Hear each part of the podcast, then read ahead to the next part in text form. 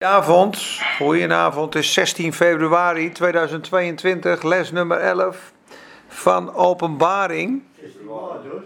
Oh, 16 maart, sorry. Koekoek. Opmerkingen uitschakelen, heel goed. Ehm 16 maart hoor ik, 2022, Openbaring 11, twee getuigen en het mysterie van God. Maar Reinhard Bonker, er staat in dat boek Evangelism by Fire. Dus daar legt hij op een gegeven moment op een bed ook helemaal depressief aan het einde van zijn eigen. Ik denk, wat, hou, wat heeft dat zin allemaal? En daarna 10.000 man, 34.000 man, een 100.000 man in een dienst. 3,8 miljoen mensen in een dienst hè, op een gegeven moment. Hè. Als ze gewoon iemand heeft eromheen lopen, dat duurt drie kwartier. Drie kwartier om om de mensen heen te lopen, 9 kilometer aan kabels. En toen vroeg hij Reinhard Bonker, wat, wat hij nou aangedaan nou? Die zei niks. Gewoon, maar auto's gedaan het. Dus eh, wij eh, hopen dat het uh, vermenigvuldigd wordt en dat we. Ja, goed, het is niet je ambitie om groot te worden, maar je wil wel heel veel vrucht dragen. En ik denk allemaal. Dus conclusie volharden. Volharden. Amen. En ik vind het fijn dat we er zijn. En ik heb gezegd, al zitten we met z'n tweeën of z'n drieën, we gaan gewoon lekker door. En nu zijn we met Marcel, goedenavond. Kijk eens, oh, we hebben er alweer acht. Totaal, fantastisch. En zeven op Insta, hier al. Vijftien man, heerlijk jongens. We beginnen met gebed en we gaan uh, vanavond kijken naar de twee getuigen. En uh, ik zou je zeggen, zijn, uh, het zijn pittige woorden die er staan, maar toch is het hart van God erachter om de mensen te redden.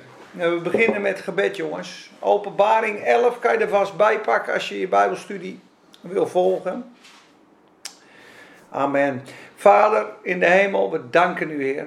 Danken u voor uw genade. Danken u voor uw aanwezigheid en uw zalving op het woord. Heer, u voegt dagelijks toe aan de kring van de discipelen in de kerk. En ze zijn nu aan het bidden van de Lighthouse, Heer, in bidden en vaste week. En wij bidden ook voor mensen die aangeraakt worden. Ook voor troost, ook voor rust en vrede. Vrede bij de Russen, vrede bij de Oekraïners, vrede op de aarde. Heer, ook Heer, een ontwaking, Heer.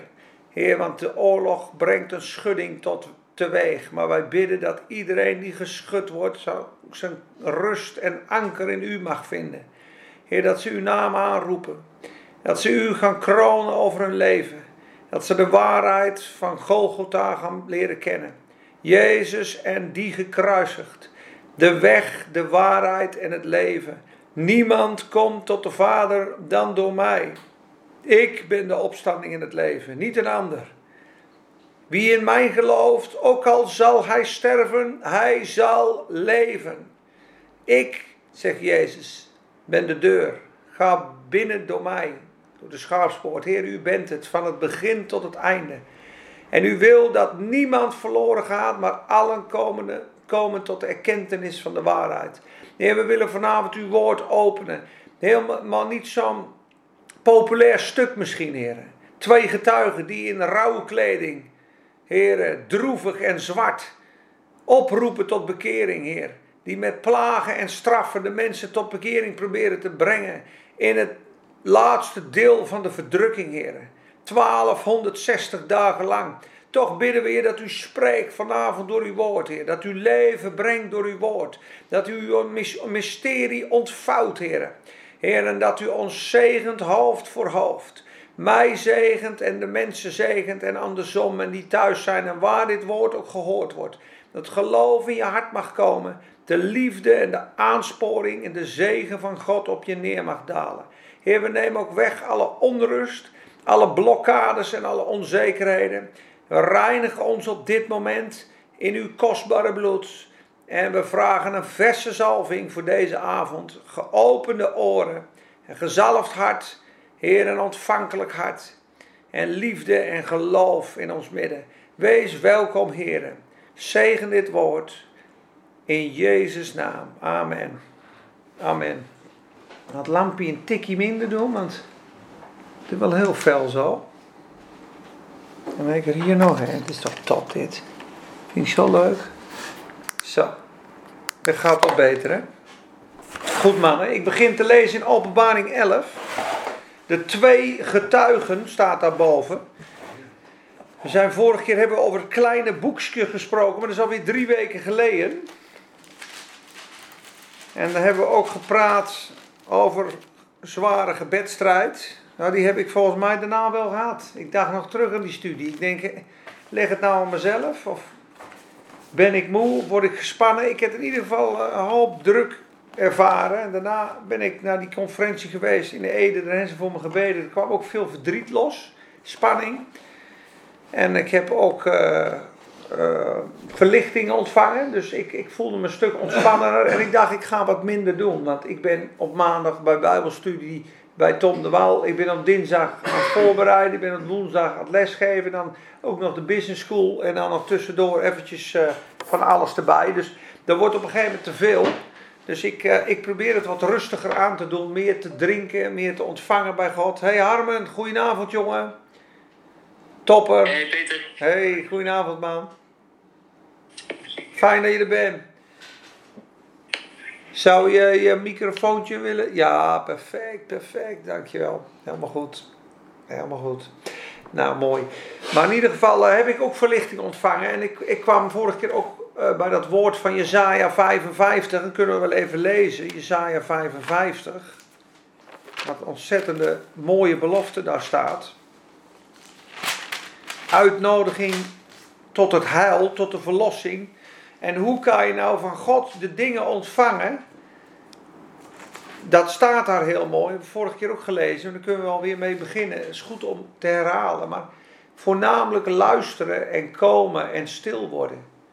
Want wat ik doe en wat veel mensen ook doen is lezen, bidden, lezen, bidden, lezen, bidden, je best doen, heilig proberen te leven, maar echt wachten op God, stil zijn voor God en Hem laten spreken tot je hart, dat brengt de ommekeer.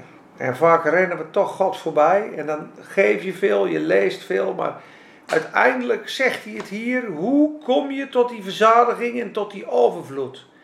Uitnodiging tot het heil, Jezaja 55 vers 1. O alle dorstigen, heb je dorst? Komt tot de wateren. Welke wateren? De wateren van God. U die geen geld hebt, kom.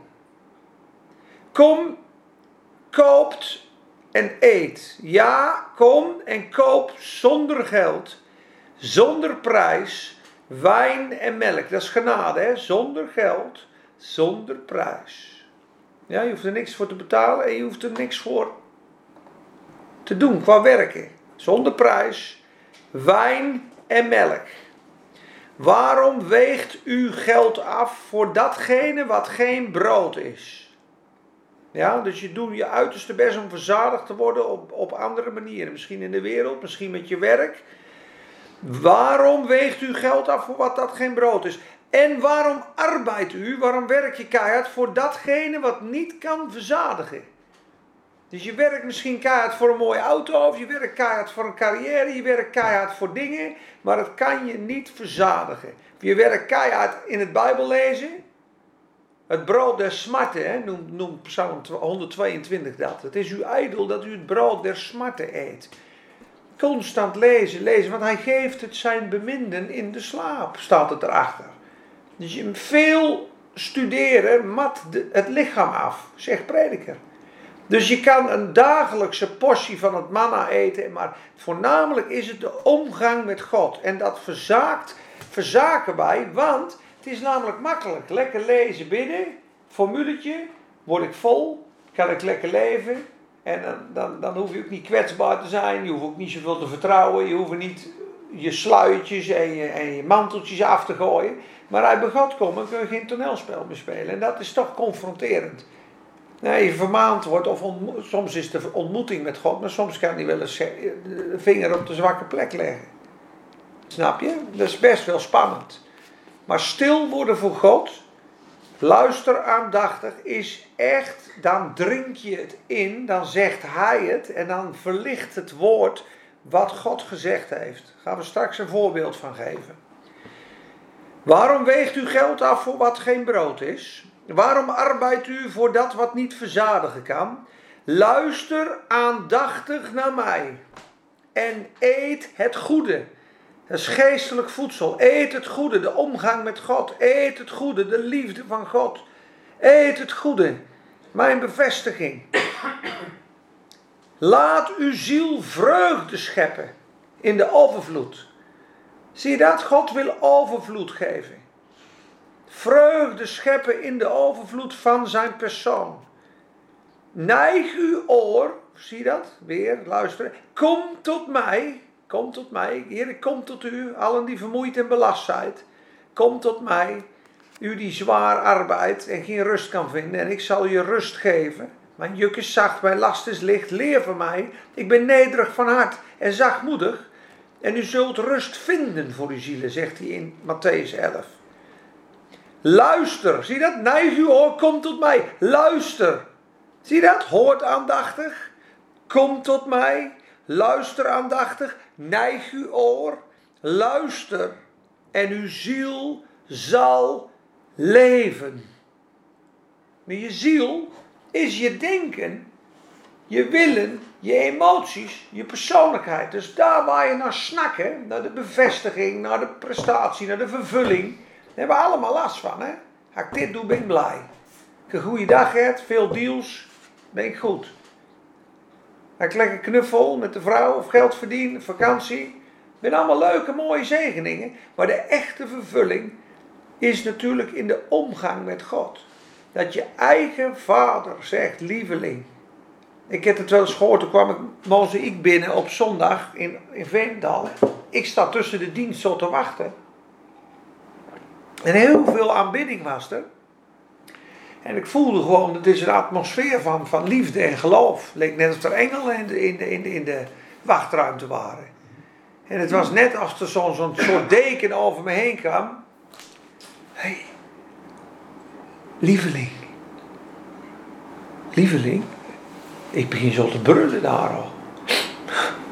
Weet je wel? Zo mooi, lieveling. Je zei lieveling tegen me. Weet je wel? Ja, dat kun je een paar weken noteren, kan ik je vertellen. Als God zelf tegen je zegt, lieveling. Dan kun je het lezen, ja, die staat niet van, je houdt van me. Ja, je staat het ook, God, God houdt van me. Ja, ik voel het niet zo. Maar als hij het zelf zegt, ik hou van je. Als hij zelf iets uit het woord zegt, rema, gesproken in je oor. Lief, het is goed. Of ga naar de buurman. Of dat woord, schriftwoord is voor jou. Die kan zoiets openen. Dat is leven. Dat is leven. Want wat we doen, en wat ik ook vaak doe, en wat wel goed is als een basis te leggen, is dat die, dat, die Bijbel lezen. Laten we zeggen dat dat het fundament is. Je leest die Bijbel, je kent, je groeit die kennis van die schrift. Dat is de trap, zeggen ze, om te leren communiceren met God. Je weet wie die is, je weet hoe je tot hem kan naderen op het bloed van het lam. Maar op een gegeven moment ga je het toepassen. Het is niet zo dat je door Bijbel lezen, die informatie tot je neemt, automatisch geestelijk groeit in de ontmoeting met God. Daar is die wandel en die relatie met God voor nodig. En dat is ook kwetsbaar zijn en soms tranen laten of worstelen. Net als Jacob met God, dat kan. Soms word je afgeleid, soms kom je er niet uit, soms is het te confronterend, soms ben je te druk, te gejaagd. En daarom zegt hij het volgens mij vier keer: Kom tot mij, kom tot de wateren, luister, hoort, neig uw oor, laat uw ziel verlustigen in. Laat uw vreugde scheppen. Dus dat je vreugde krijgt in de kracht van God. Zij die op de Heere wachten, zullen nieuwe kracht putten. Zij zullen opstijgen met vleugelen als arenden. Zij zullen rennen en niet moe worden. Zij zullen wandelen en niet mat worden. En daarvoor, voor dat vers, Isaiah 40, staat: jongelingen zullen rennen en moe worden. Ze zullen hun best doen en mat worden en opraken. Maar zij die de Heere verwachten, zijn als een adelaar. Wat doet die adelaar op die rots? Wachten. Waarop? Waar wacht hij op? Op de wind. Dan komt hij, hoppa, zweven maat, in de genade. Maar als die wind er niet is en die adelaar gaat al, die wacht niet op God, dan kan hij met zijn vleugels toch aardig aan de bak. Met 1,20 meter aan allebei de kanten. Snap je dat? Dus dat is voor mij een les, voor iedereen een les. Om, je moet meer drinken, meer zijn.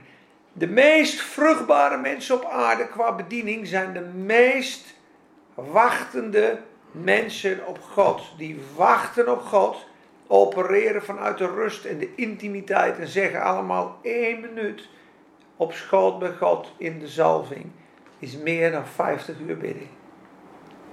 Eén minuut op schoot bij God in de zalving is meer dan 50 uur bidden.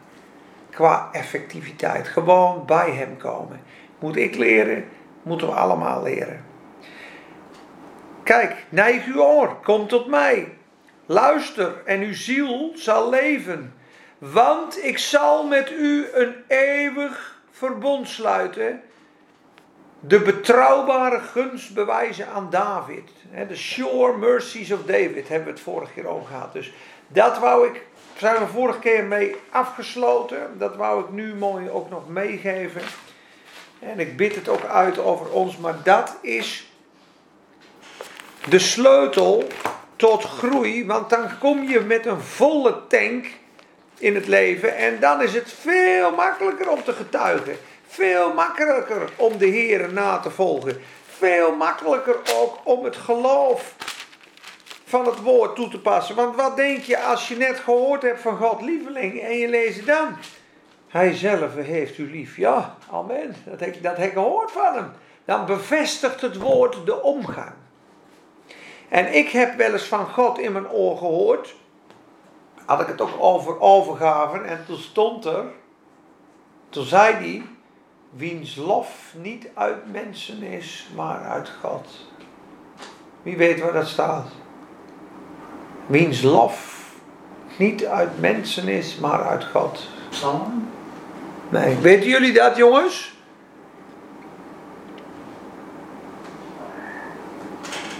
Niet allemaal tegelijk, hè? Oké. Niet hij is een Jood. Romeinen 2, vers 29. Niet hij is Jood die het in het openbaar is, vers 28 trouwens. En niet dit is besnijdenis die in het openbaar in het vlees plaatsvindt. Pieletje. Nee, dit is een Jood, geestelijk, die het in het verborgene is. En dit is werkelijk de besnijdenis. De besnijdenis van het hart naar de geest, niet naar de letter. Zijn lof is niet uit mensen, maar uit God. Met andere woorden, dit is iemand die leeft vanuit de geest in het verborgen voor God. Zijn lof is niet uit mensen, maar voor God. Die Joden werden altijd voor de buitenkant. Dat we voor de buitenkant maar rechtvaardig zijn. We zijn besneden, zie je dat? We wandelen, we bidden, we doen. En de lof was uit mensen. Dat is godsdienstig. Maar de werkelijke besnijdenis is van het hart, is in de geest. Wiens lof is niet uit mensen, maar uit God. Dan leef je echt, mensen, om God eer te brengen. Snap je? Dat zijn de mooie dingen die we af moeten leggen om meer van God te ontvangen. En dit, dat moeten we allemaal leren. Ook in de omgang, weet je, als ik, ik, ik noem maar wat, ik had een gesprek van de week met iemand. En toen zei ik, ja, maar je brengt het zo ruw. Als jij het nou wat zachter brengt, dan kan ik het wel handelen. En anders komt het zo binnen, ja, dan ga ik toch in de verdediging. Het klinkt allemaal wel heel nobel. Maar achteraf dacht ik, ja, dus eigenlijk vraag je om, om aan iemand om altijd foutloos naar jou toe te komen. Ja, als hij dus iets over de grens gaat, dan reageer ik, want dan doe je mij pijn. Maar dat is natuurlijk onzin, want je het kruis op moet nemen voor een broeder, dat is juist als iemand je kwetst of verkeerd uit de hoek komt. Dat zou wat moois wezen. Iedereen is altijd met zijde hangschoentjes om je heen, en fluwelen hangschoentjes als ze wat zeggen. En alweer als ze over de grens komen, oh je, je, je kwetst mij. Dat, eh, dat moet je anders zeggen. Ja, dat is natuurlijk kinderachtig gedrag. Toen dacht ik, joh, waar slaat dit op? Moest nagaan als iemand verkeerd reageert. Of onterecht reageert, dat je gewoon rustig blijft.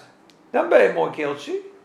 Dan ben je geestelijk volwassen. Als iemand je onterecht wat zegt, of terecht, het kan wel eens terecht wezen. Peter, ik vond dat dat, uh, dat vond ik niet fijn. Dat, dat heeft me heel erg gekwetst. Vind ik, uh, vind ik dit of dat. Dan moet je gewoon open en corrigeerbaar voor staan. Maar waarom verdedig je nou jezelf? Waarom verdedig je jezelf? Om waarom, waarom wil je het voor jezelf opnemen, weet je wel, in dat soort situaties? Nou, dat, dat zijn allemaal dingen waar ik ook in mijn leven tegenaan loop en dan waarvan je denkt, ja, ga daar eens aan werken met God, weet je wel. En dat gebeurt in de stilte. Dus daar, beginnen, daar begonnen we mee. Amen, jongens. Ja. was een klein uh, voorgerechtje. Rust, rusten bij God, luisteren naar God. En dan kom je er ook achter hè, met dat soort gesprekken met God. Van ja, Peet, je, je reageert wel erg snel. En waarom dan? Ja, wat verdedig je dan? Ja, mezelf. Oh. En wat moesten we doen? Ja, ons kruis opnemen. Oh ja. Hoe gingen we dan tot glorie? Ja, door het lijden heen. Oké. Zat je dan goed? Nee, ik zat fout. Oké. Leren we ervan? Ja. Amen. Ja? De twee getuigen. Openbaring 11. Daar gaat hij. En mij, Johannes, je staat, werd een meetlat gegeven die op een staf leek. En de engel was erbij komen staan en zei: Sta op en meet de tempel van God, het altaar en hen die daarin aanbidden. Maar laat de buitenste voorhof van de tempel er buiten en meet die niet, want die is aan de heidenen gegeven. En ze zullen de heilige stad vertrappen 42 maanden lang. En mijn, ik zal mijn twee getuigen macht geven en ze zullen in rouwkleding gekleed rouwkleding gekleed, 1260 dagen lang profiteren. Profiteren. Zij zijn de twee olijfbomen en de twee kandelaars die voor de God van de aarde staan. En als iemand hun schade wil toebrengen, komt er een vuur uit hun mond en dat verslindt hun vijanden. Eens kijken jongens. En als iemand hun schade wil toebrengen, moet hij op dezelfde manier gedood worden. Zij hebben macht de hemel te sluiten, zodat er geen regen zal vallen in de dagen dat zij profiteren. En zij hebben macht over de wateren, om die in bloed te veranderen, om de aarde te treffen met allerlei plagen, zo vaak als zij dat willen.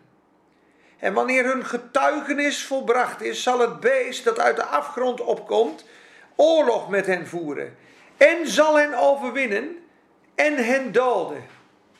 Kun je het volgen, Wouter? Of, uh... Ja, ja, ik hier mee. Oké. Okay. Oh, mooi.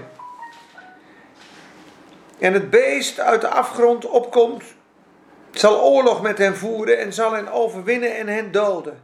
En hun dode lichamen zullen op de straat van de, straat van de grote stad, die in geestelijk gezin genoemd wordt Sodom en Egypte. Daar zullen ze hen neerleggen waar ook onze Heere werd gekruisigd. En de mensen uit de volken, stammen, talen en natieën zullen hun dode lichamen drieënhalve dag zien. En zij zullen niet toelaten dat hun dode lichamen in graven gelegd worden. En zij die op de aarde wonen zullen zich over hen verblijden en zullen feest gaan vieren en elkaar geschenken sturen, omdat deze twee profeten hen die op de aarde wonen zo gekweld hadden. En na drieënhalve dag kwam er een levensgeest uit God in hen. En zij gingen op hun voeten staan. En grote vrees overviel hen die zagen. Is wat, hè? En ze hoorden een luide stem uit de hemel tegen hen zeggen: Kom hier omhoog. En zij gingen omhoog naar de hemel in de wolk. Hun vijanden keken hun na.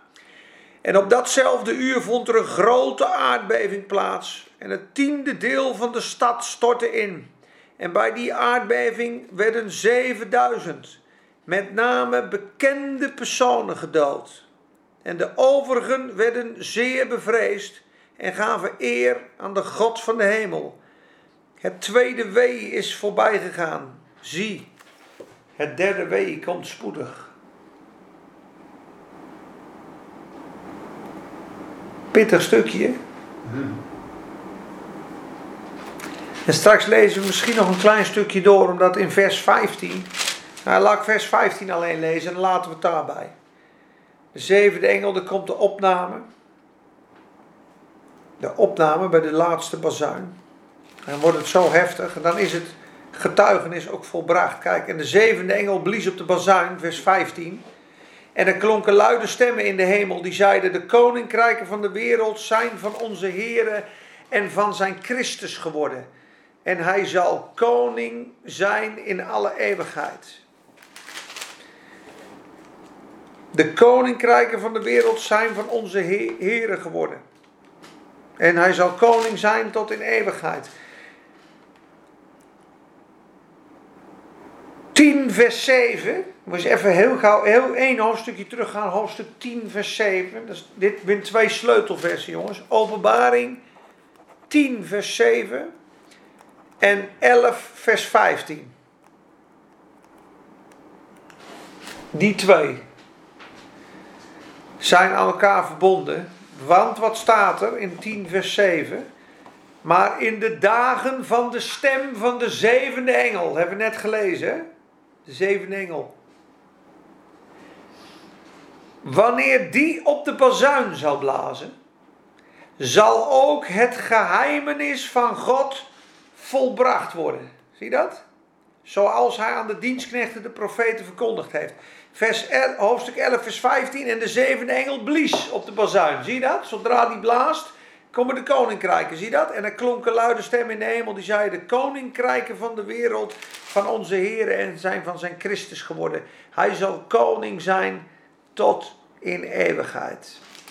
In de herziene taal. Ja, ja. Dus, dit is de laatste keer, de laatste oproep tot bekering van God op de aarde door de twee getuigen. En daarna wordt de Satan uit de hemel geworpen. Dat zien we in hoofdstuk 12. Gaan we volgende keer behandelen. De aanklagen van de broeders. Dan komt er een beest uit de zee met dat merkteken, dat grote beest. Hoofdstuk 13. Dan krijg je de 144. Dan krijg je de oogst, de graanoogst, de wijnoogst. Dan zeven engelen met de zeven laatste plagen in hoofdstuk 15. En dan de, de zeven engelen gieten hun schalen uit, hoofdstuk 16. Dat is eigenlijk alleen maar oordeel, oordeel, oordeel. En daarna krijg je het vrouw op het beest, oordeel over de katholieke kerk. De draak en het beest is niet hetzelfde. Nee, drie eenheid is de Satan ook. Ah, De beest, de draak en de valse profeet. Net als de Vader, Zoon en Heilige Geest. Je hebt de Satan, de valse profeet en het beest. Dat zijn de drie. En de Satan is de oude slang. De draak. Die is gegroeid door de eeuwen heen van slang naar draak. Dat is een drie-eenheid, de, de Satan ook. En de Satan komt uit de hemel gevallen. Kijk, en het beest komt uit de afgrond. ja. Ja. En eh valse profeet? Dat is Judas. Die komt van het land van Israël. Die doet straks of hij de Messias is. Dus de antichrist heeft de valse profeet bij zich, dat is Judas. Die er een deeltje maakt met de duivel. Hij ging naar zijn eigen plaats, staat er.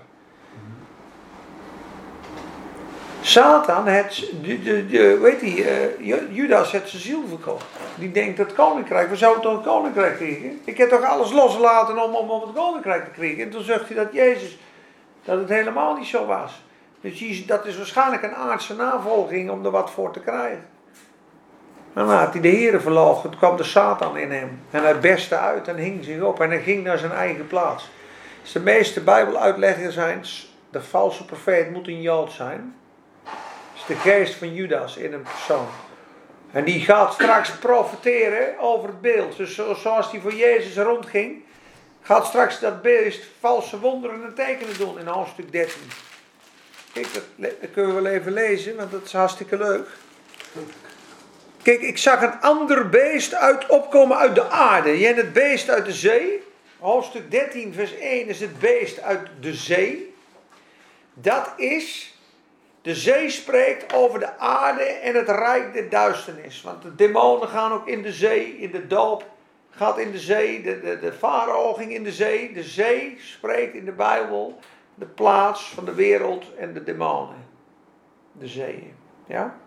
Nou, het beest uit de zee betekent een persoon uit de natie en uit de wereld. Een beest, dat is de antichrist. Ze zeggen dat hij uit Syrië komt. Is in ieder geval of Turkije, of Egypte, of Griekenland, of Syrië. Dat is 100%. Dat is in Daniel, die vier. Van eh, Alexander de Grote, die rijken. Daarna binnen twee weg, dan hou je het noorden en het zuiden over. Dat is Griekenland en Syrië. Dus daar binnen maar twee. En daarna komt er een uitleg. Benny zegt 100% Syrië. 100% dat hij uit Syrië komt. En er binnen een paar die zeggen, nou, hier komt uit Israël, want het is de Messias. Als geloven ze die Joden het niet. De antichrist moet niet Jood wezen. Want het is een Jood. Maar het is een geest in een lichaam van de zevende. Dat zijn hele moeilijke dingen. We hebben gezegd, er zijn vijf Caesars geweest. Vijf koningen zijn geweest. Eén moet er zijn voor een korte tijd. Dan komt er één, de zevende, die wordt vermoord. En dan komt het lichaam, de geest van Satan in dat lichaam en doet de opstanding na. En deze is de achtste. Maar hij is uit de zeven. Staat er. Dus de achtste is uit de zeven. Dus één van die zeven is de achtste. Ja, het is de geest van Caesar Nero, zeggen ze. Want Nero was de meest sadistische christenvervolger die er is. En het, als er staat wie verstand heeft, bereken het getal. Het is het getal van de mens, namelijk 666. Als je Caesar Nero invult in het Grieks en het Hebreeuws, komt er allebei 666 uit. Dus hij is uit de zeven en gaat tot verdekken. En het beest dat was, Nero, en niet is, ja, is er niet, maar straks zal zijn, is ook de achtste. En hij is uit de zeven. Dat is een hele moeilijke taal. Maar het is dus een geest van Caesar Nero met de Satan, met de componenten van de draak en de luipaard en de beer. Dus alle kwaadheid van de wereld. Dus hij zal zo snel optrekken als Alexander de Grote, zo snel als een luipaard. Hij zal zo gruwelijk zijn als het Romeinse Rijk, als die beer die alles kapot maakt. En hij zal uh, met die vleugelen zijn, ja, dat is volgens mij het, het, het Romeinse Rijk, het Medio-Persische Rijk. Ik weet er niet alles van, maar hij heeft alle componenten van alle dictators en al het kwaad. Het is eigenlijk een full compound van al het kwaad bij elkaar. Dat is die antichrist. Zoals Christus in zijn volheid komt, zo komt Satan in zijn volheid. Wij zijn straks de kerk en Jezus komt in al zijn glorie. Satan komt ook. Dus hoe die door Nero heen kon werken. Nero was de meest sadistische christenvervolger die er is. Die stak christenen gewoon aan als, als. Vastgebonden in teer gewikkeld, die stuk die gewoon aan. 32 jaar was die. En toen die stierf, zei hij: Oh, wat sterft een groot kunstenaar in mij. Zo hoogmoedig was hij. Och, och, och, wat moet de wereld nu missen? Zo'n kunstenaar ben ze nog kwijt, zei hij. Nou, uh, we weten één ding zeker, dat die spartelt in de poel des vuurzadigen straks. Die komt er echt niet hoor, Nero. Durf ik je te vertellen, want die is het beest. Maar goed, zo heftig. Maar het beest uit de zee, hoofdstuk 13 vers 1, dat zeven koppen en tien horens had. Weet je dat nog? Die tien horens zijn tien koningen. En die zeven koppen zijn zeven bergen en zeven koningen. Ja, het is heel, heel apart allemaal. Mooi is dat, hè? En het beest dat ik zag leek op een panter, zie je dat? Zijn poorten waren als die van een beer en zijn muil als die van een leeuw, zie je dat? Dat zijn allemaal beelden. En de draak gaf hem zijn kracht en zijn troon en zijn macht. En ik zag een van zijn koppen als dodelijk verwond, maar zijn dodelijke wond werd genezen. Zie dat? De hele aarde ging het beest met verwondering achterna. Ze aanbaden de draak omdat hij aan het beest macht gegeven had. En zij aanbaden het beest en zeiden: Wie is dit beest gelijk? En aan, wie kan er oorlog tegen voeren? Dat zal straks op de aarde komen. En het werd een mond gegeven. En het beest werd macht gegeven. Kijk eens vers 7. Nou, laat maar doorlezen. Want daar komt wel mooi overeen trouwens deze vraag. Het zou van de leiding van God zijn. Want de twee getuigen gaan 42 maanden over de aarde. 1260 dagen.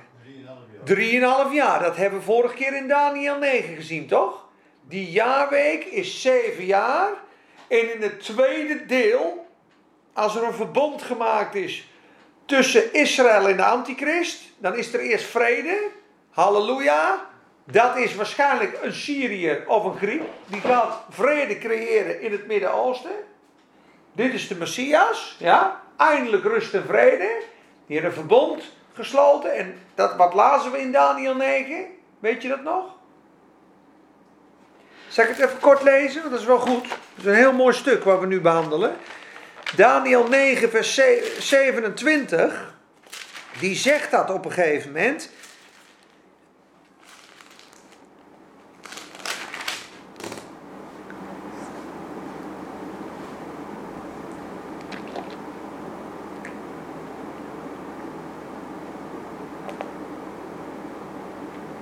Ja. Na 62 weken zal de Messias uitgeroeid worden. Maar het zal niet voor hemzelf zijn. Vers 26. En volk van een vorst, een volk dat komen zal, zal de stad, Jeruzalem en het heiligdom te gronden richten. Zullen we zo lezen in hoofdstuk 11. Ja? Dus 42 maanden wordt Jeruzalem vertrapt. Hij zal voor velen het verbond versterken. Eén week lang. Zeven jaar. De jaarweek. Ja? Halverwege de week. Na drieënhalf jaar. Ja? Zal hij slachtoffer en graanoffer doen ophouden. Ja? De tempelofferanden en de godsdienst stopt hij. Gaan we straks lezen in hoofdstuk 11. Hij gaat zelf in de tempel zitten. En hij draait het verbond om. En dan komt de antichrist. 2 Thessalonicenzen. Dus hij komt. Dus snap je dat ik soms denk, de opname komt eraan, dat iedereen dat zegt. Dat ik denk wel eens, maar die tempel is nog helemaal niet herbouwd. Er is nog helemaal geen vredesverdrag gesloten met het volk Israël. Er kan wel een vroege opname zijn voor die zeven jaar. Maar snap je dat als we straks lezen dat hij de heilige zal overwinnen. Zullen we straks lezen, hoofdstuk 13 van de openbaring. Dat hij, dat openbaar, op Daniel 7 zegt, ze zullen 3,5 jaar in zijn hand gegeven worden, die, heidenen, die heidenen, de heiligen. Hij zal hem overwinnen. En dat we nu over de grote verdrukking beginnen te praten. Midden in de zeven jaar. Ja, maar dat hij eerst een verbond met de Joden maakt. En dat de tempel mag herbouwd worden. Dus als die tempel herbouwd wordt, is allemaal het feesten. Halleluja, de Messias is terug. Halleluja. Shalom Gafarim, Shalom Gafarim.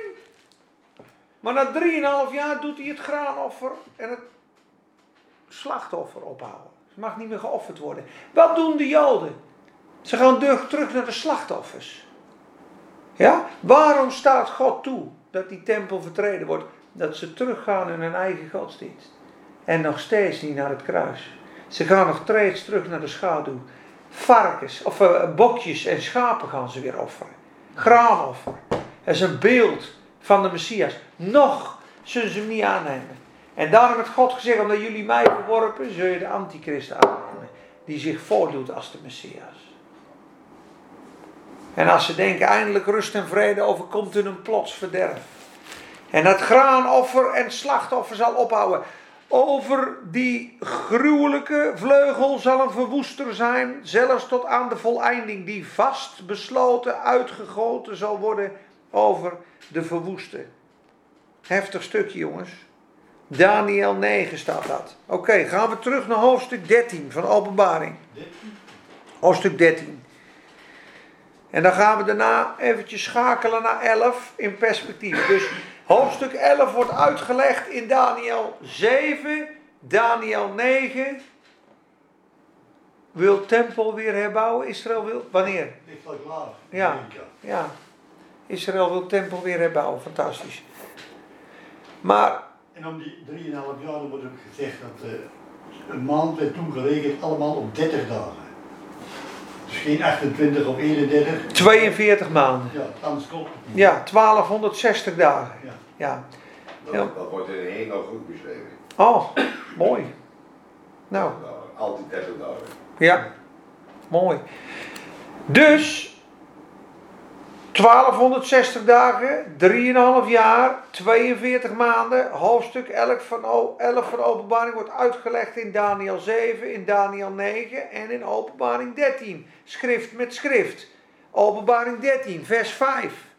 Het beest werd een mond gegeven om grote woorden en godslasteringen te spreken. En het werd macht gegeven om dit te doen 42 maanden lang. En het opende zijn mond om God te lasteren en om zijn naam te lasteren en zijn tent en hen die in de hemel wo- wonen. En het beest werd macht gegeven om oorlog te voeren tegen de heiligen. Zie dat? En om hen te overwinnen. Vertel het maar jongens, wie het zijn. En hem werd macht gegeven over elke stam, taal en volk. En allen die op de aarde wonen zullen het aanbidden. Althans van wie de namen niet geschreven zijn in het boek des levens des lam. Oké. Straks gaan we even verder bij hoofdstuk 13 vers 11. Ik zag een ander beest. Zie je dat? Dat is de, de, drie eenheid van de Satan. Een ander beest uit de aarde opkomen. Zie je dat? Eentje is uit de zee, die komt uit de wereld. Die andere komt uit de aarde, van het land. Die komt uit het land Israël. Daarvan zeggen ze, dat is Judas. Snap je? Hij had twee horens als die van het lam, maar sprak als de draak. Hij hield zich voor als de Messias. En het oefent macht van het eerste beest voor zijn ogen uit. En het maakt dat de aarde en zij die er wonen, het eerste beest aanbidden waarvan de dodelijke wond genezen was. Zie dat? Is, hij is een heraut van het kwade. Dat beest. Dat is de valse profeet. En het doet grote tekenen, zodat het zelfs vuur uit de hemel laat neerdalen voor de mensen. En het misleidt hen die op de aarde wonen door middel van de tekenen gegeven. Nou, dan komt er een beeld dat gaat, gaat spreken, jongens. En dan krijg je niet meer kopen, niet meer verkopen. Nou, hoe ver zitten we er nog vanaf? Vanaf de cloud. Vanaf het punt dat je digitaal idee Europa, digitaal inloggen, digitaal betalen. Hoe, hoe, hoe dicht zit je erbij? Heel, heel dicht. Heel dicht toch? Ja. En dan die, die, die eh, Noah Yuval Hariri, die rechterhand van Swaap. Dat stukje gehoord wat ik onder laatst gedeeld heb? Dat hij serieus in 2018 al praat, wij kunnen hacken. We kunnen gewoon eh, eh, de mensheid hacken. En we kunnen ze ook engineeren. En we kunnen ze controleren.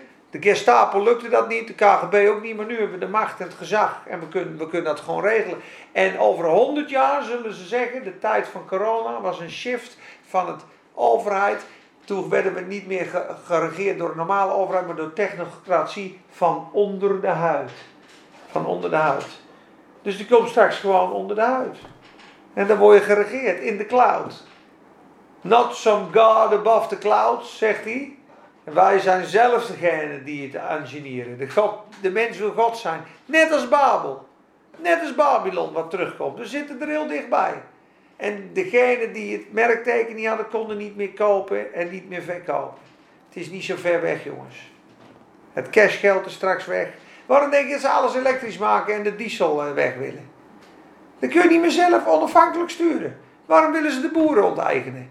Dan kun je niet meer voor je eigen graan en voedsel zorgen. Maar toch, je bent een snelle gasmeter.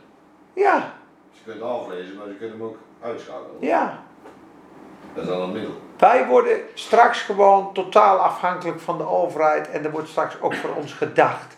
En ze willen ze- zelfs ons programmeren, waardoor je een tentakel wordt. Ja, daar ben je serieus mee bezig. We zijn gelijk niet begonnen, hè? Strekencode, BSN-nummer. Ja. Steeds stapje voor stapje. Steeds stap voor stap. En ze zeggen ook gewoon, de mens is uitontwikkeld.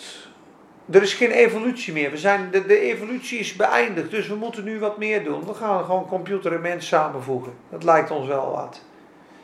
Zo'n dwaze. Nou goed, daar zit je dicht tegenaan. Oké, even terug naar hoofdstuk 11. En dan gaan we zo over een kwartiertje, na tien over acht, na tien voor half tien stoppen we half tien uiterlijk. En ik ga eventjes over die twee getuigen. Ja, we zijn dat. Mozes en Elia. Ja, wordt ook gesproken van Elia en Henoch. Die zijn allebei de hemel opgevaren en Mozes is begraven. Mozes is niet begraven. Dat is westerse graf niet. Mozes is toch gevonden in die berg? Er staat toch in Judas? Die engel zei tegen Judas oh, toen ze ruzie hadden over het lichaam van Mozes. Ja. Ja, dat was op een berg. De Heere bestraf u, Satan, zei, dit staat in Judas. Maar kijk, Mozes veranderde het water in bloed. En Elia leed het niet meer rekenen. En dat kunnen hun ook. Dus ze zeggen dat het Mozes en Elia zijn. Omdat ze dezelfde tekenen doen.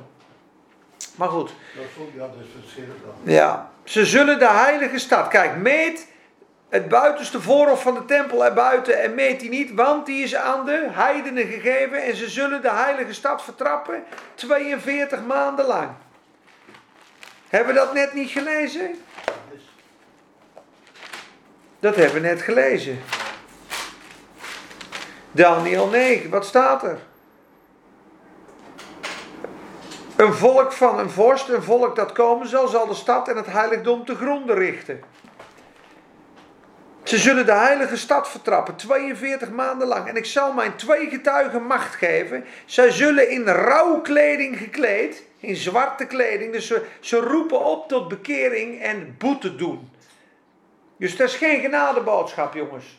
In het, het einde der tijden. Zie je dat het nu genadetijd is? Kom tot Christus. Maar dan is het boete doen.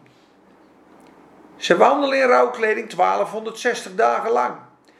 Zij zijn de twee olijfbomen en de twee kandelaars die voor God van de aarde staan.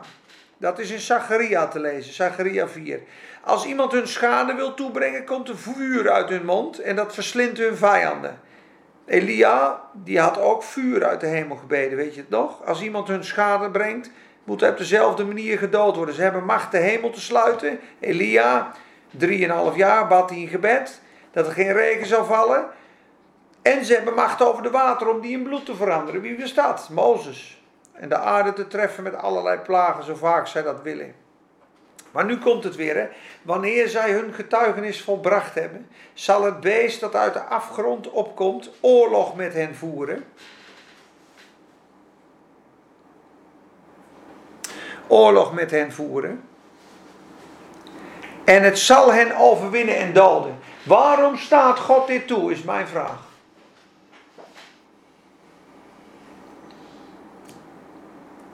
Dat de mensen naar tot bekering komen. Ja, ik denk het wel. Maar snap jij dat wij met onze natuurlijke verstand, als we dit gaan interpreteren. Want laten we heel eerlijk zijn, God is een goede God en een goede herder.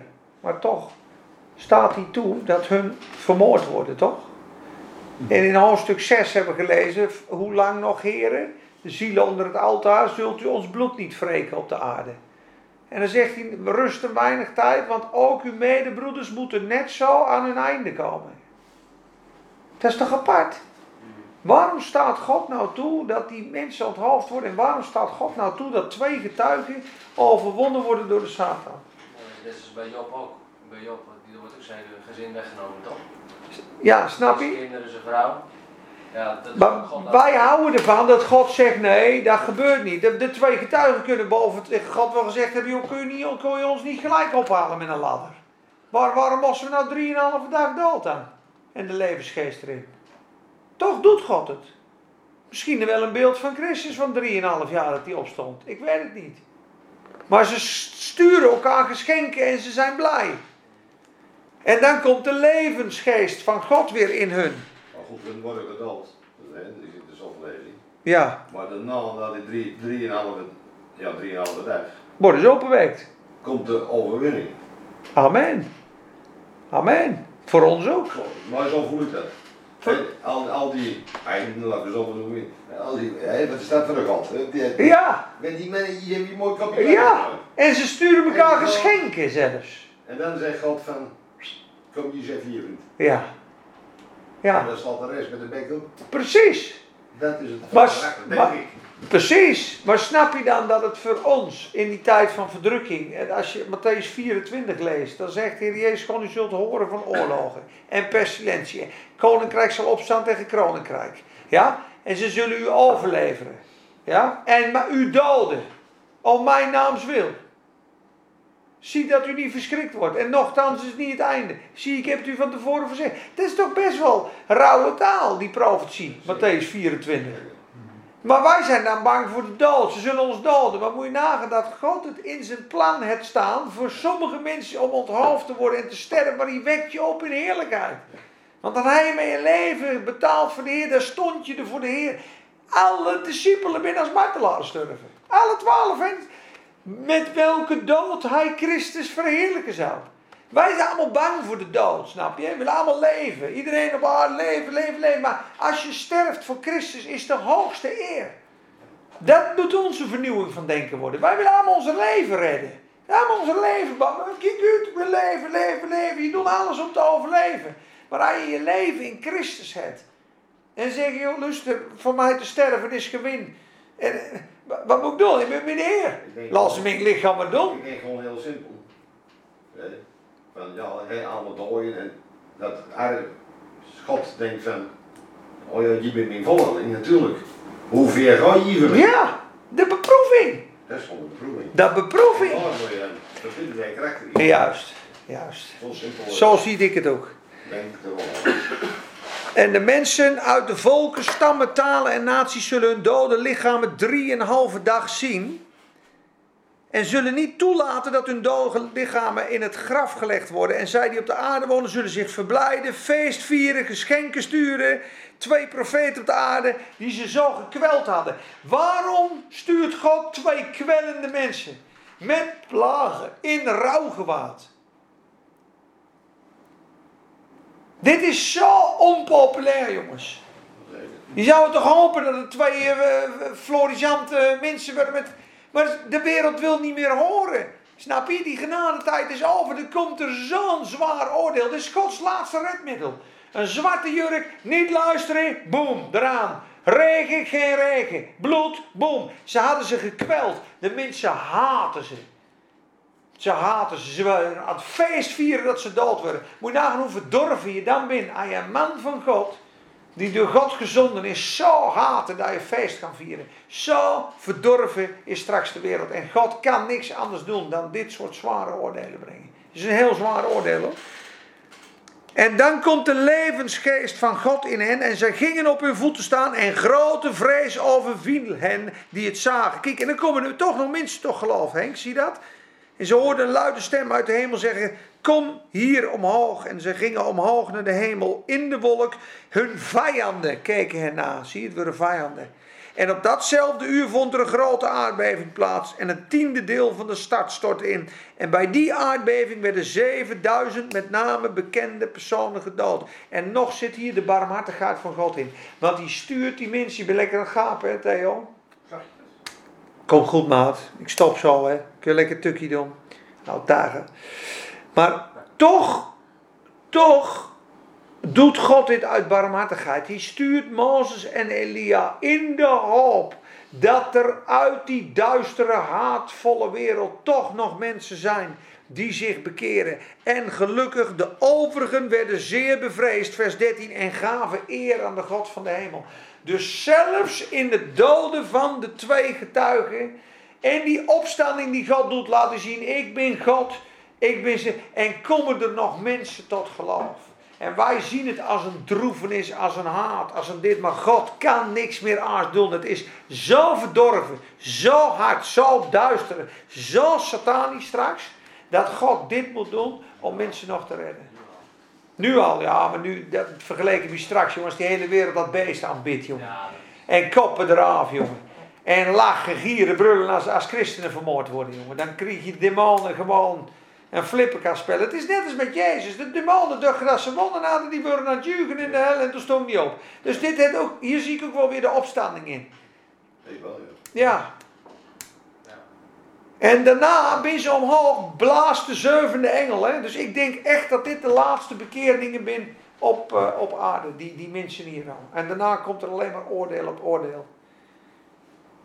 Nou, kijk, je moet het zelf maar lezen. Dit is geen populaire kost. Alleen dit is ook gewoon hoofdstuk 11. We doen ze gewoon allemaal. God heeft dit in de Bijbel geplaatst.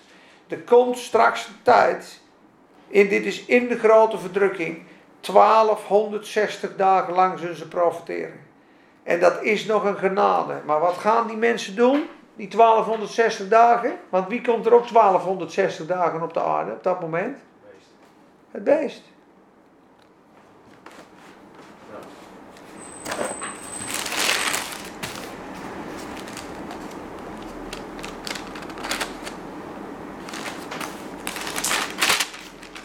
jongeren verwachten Elia ook terug, hè? Die zitten dan in een stoel leeg extra bij een feest. We wachten dat Elia er komt, hè? Ja, een lege stoel. Ja. Ja. ja, en hier staat ook, want het, is, het blijft eh, lastig hè. Want hier staat, kijk, en ze hebben de macht om de water te overtreden. Wanneer zij hun ge- getuigenis volbracht hebben, hoofdstuk 11 vers 7, zal het beest dat uit de afgrond opkomt, oorlog met hen voeren en hen overwinnen en hen doden. Dus dat is pas aan het eind van hun profiteren. Na 1260 dagen. Dus, het kan ook zijn, maar goed, dat ben ik, dat, dat is nu, dat die zeven jaar, dus zodra die tempel gebouwd wordt, dat die zeven jaar, dat die twee getuigen er al lopen. En dat na 1260 dagen, dat beest uit de afgrond komt, ze dood. Dat dan die hemel en aarde komt. Dat dan 1260 dagen, de, de tweede 3,5 jaar begint. Ik ben er nog niet helemaal hieruit, maar dat lees ik nu net. Hè?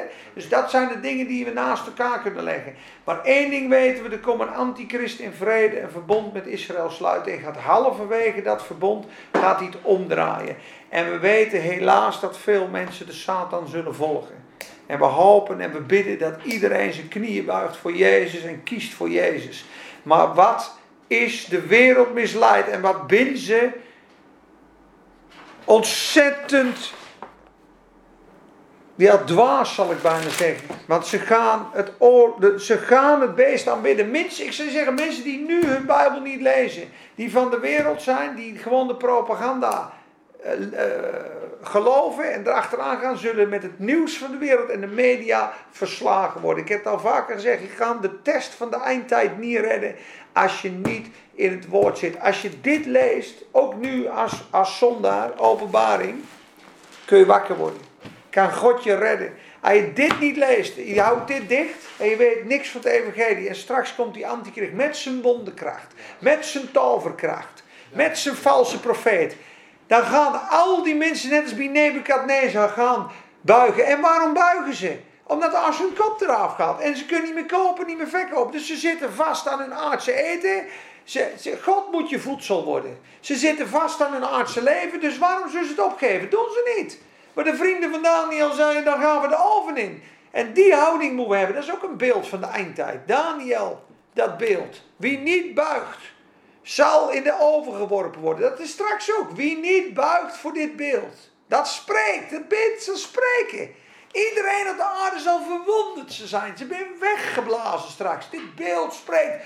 Wie is als het beeld? Michael Jackson was al wat, die hebben half aanbeden. Maar dit beest, jongen, wie is als dat beest? Wie zal oorlog kunnen voeren tegen dit beest? Dan gaan ze als massa's naar de hel. Dat is aardig. En ik bid een ontwaking, ik bid een schudding.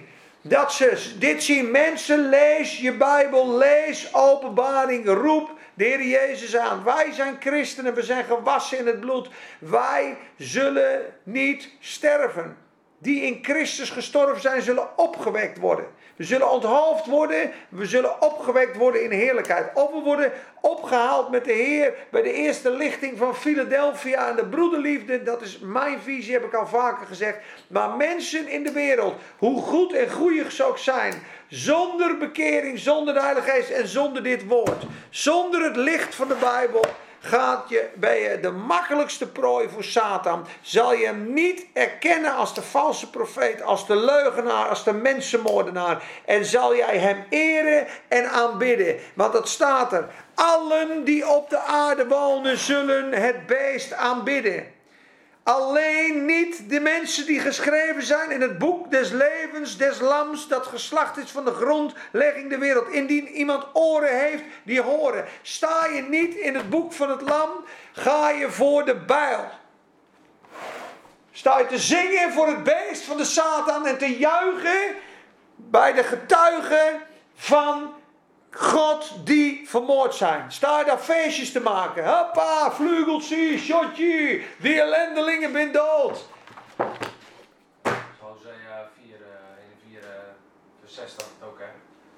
Dat het volk ten onder gaat eh, gebrek aan kennis. Ja. Dat is, dat, En wie leest vandaag de dag zijn Bijbel?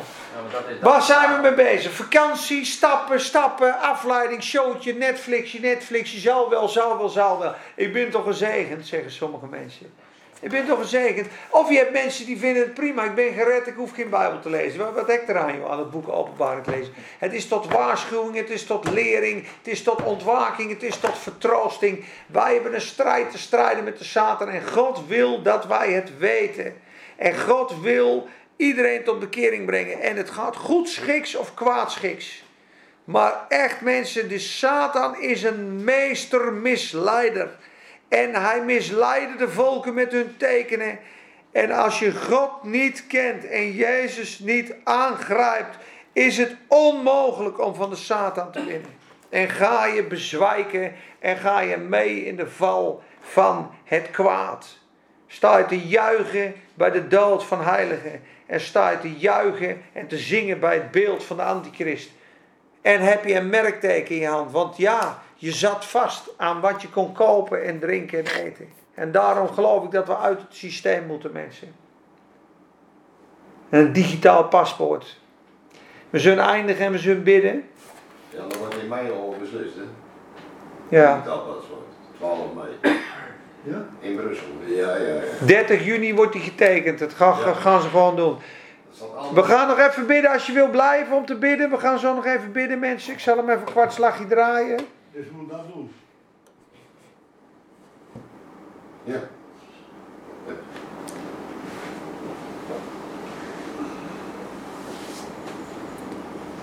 Dat geeft heel veel uitleg hier. Kijk, en daar lees je niks over in de media. Ook mooi, hè? Dit ja. Geen huis van meneer. Mooi. Zullen we bidden?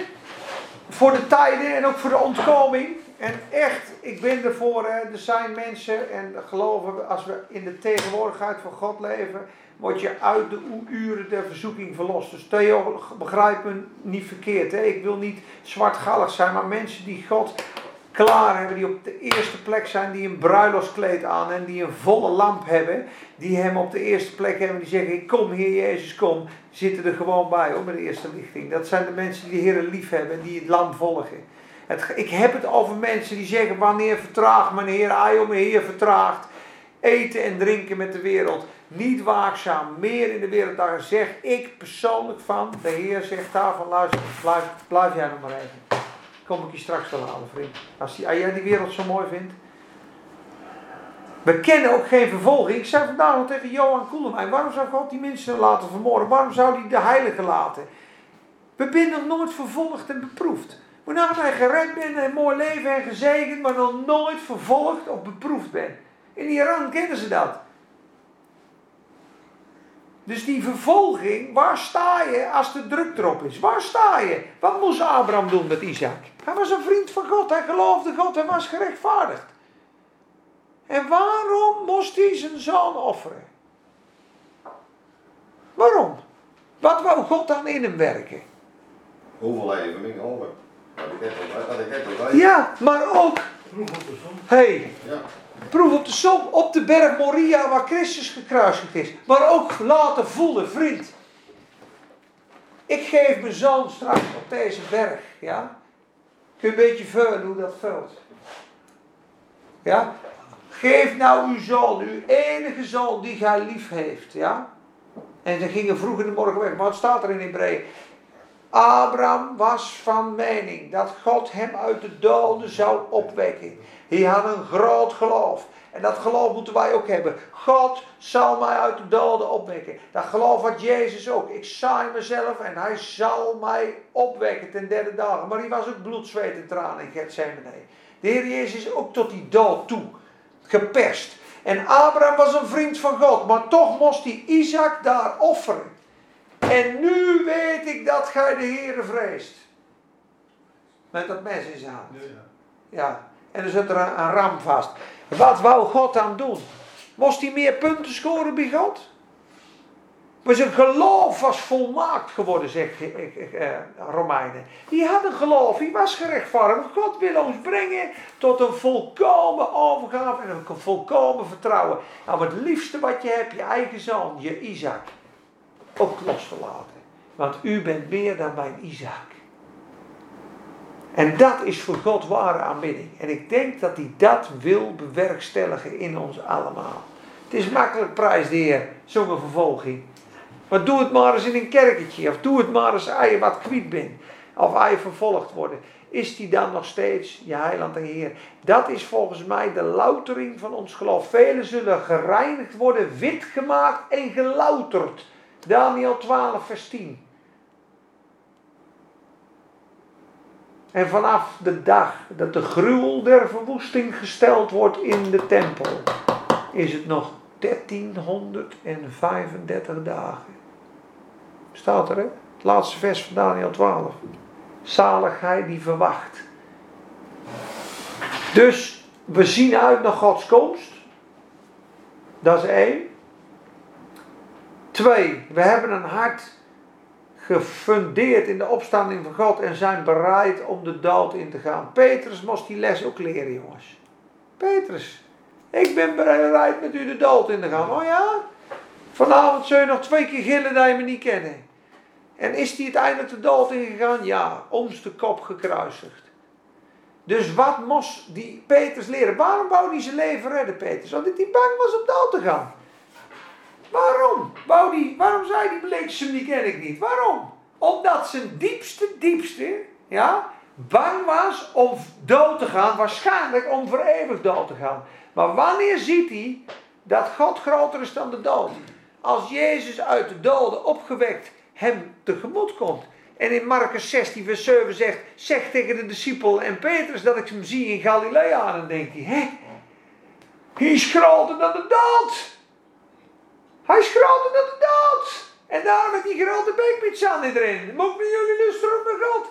Hij is zijn angst verloren. Hij weet ook al sterf ik, ik sterf nooit meer. Hij is de opstanding. En daar moeten wij komen in dat geloof dat Hij het voor ons volbracht heeft. Dat we staan en dat dat geloof beproefd kan worden. Mijn leven is geborgen in God. En dat is denk ik waar wij mee geconfronteerd moeten worden in ons leven. En er zijn er zat die hen al zo'n gekruisigd leven, die hen die prijs al betaald. En daarvan geloof ik dat God zegt, luister, jij al tien, je hoeft niet meer getest te worden. Kom jij met de bruiloft vieren, vriend. Maar de mensen die nog vastzitten.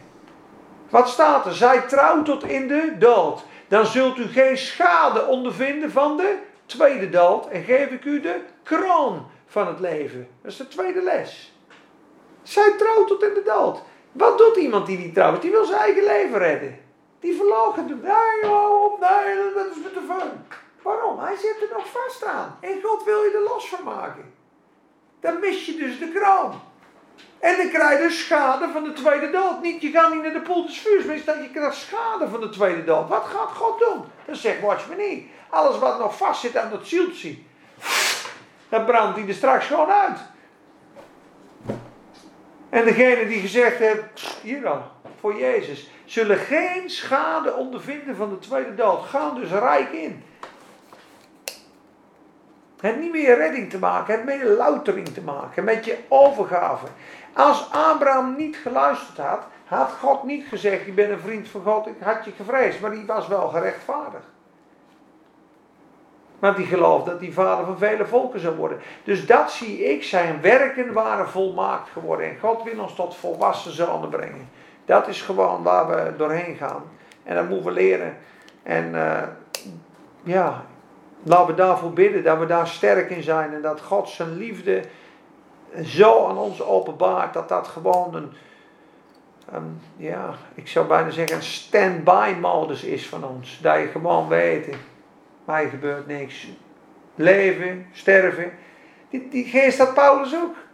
En zei ze gaat naar Jeruzalem. Oh, wat willen jullie mijn hart breken met jullie tranen. Ik ben bereid om te sterven voor de naam van de Heer Jezus. Want de Heilige Geest zegt mij dat in elke stad staan mijn banden en verdrukkingen. Staan we te wachten, maar die dingen bewegen mij niet. Omdat ik mijn roeping en koers af zal maken in Christus Jezus. Want ik ben rondgegaan predikende. Ik ben vrij van uw bloed. Lees maar, Handelingen 20. Hier heeft er maling aan. Hij zit er niet meer vast. Ik, ik reken mijn leven niet meer waardevol voor mijzelf. Opdat ik mijn race af zou lopen. We hebben allemaal een race, jongens, die af moeten lopen. En dat kan alleen als je je eigen leven niet meer lief hebt. En dat hebben we allemaal veelal nog. Kijk maar naar mijn reactie. Als iemand je vermaalt. Wat wil je redden dan, jongen? Amen. Zullen we... Ja? Ja. Dezelfde berg. Op die berg is de Heer gekruisigd. Hij zag mijn dag, Abraham. Ja, dezelfde plaats. En kun je ook mooi tegen de moslims zeggen, want die weten met dat slachtfeest dat Abraham ging met Ismaël de berg op, zei ze. Dat was niet meer Isaac, maar Ismaël is die berg opgegaan. Er zat er een ram vast in de hoorn. Ik zei, oh, is dat bij jullie Ismaël worden in de Koran? Ik zeg, maar dat is wel toevallig dan, een ram vast op die berg en een vader en een zoon. Wat denk je verbeeld het is, zei ik. Op diezelfde berg gaat God de Vader zijn zoon offert. En een lam. Ik zeg, maar dat vieren jullie bij de slachtfeest. Dat hij dat lam slachtte. Maar vader en zoon was op de berg. Wat denk je God tegen hem zei? Kun je vervullen hoe het vult hoe je je zoon offeren. Want dat ga ik straks doen. Dat is het evangelie. Dat is even te kijken, hè. Met de slagfeest. Hij aanbidt Jezus, zei ze. Oh, ze zonder tegen de Heilige Geest, hè, daar. Oh, is afgelopen mee. Squid of skit of zo betekent. Een heel moeilijk woord. Ah. Kalit, zei ze. Ik zei, kalit, hoe bedoel je? Ja, dat is, dat de onvergeeflijke zonde is dat. Naast Allah God aanbeden. Hij aanbidt Jezus. Zo zetten ze de markt. Ik zeg, natuurlijk. oh, halleluja. Amen.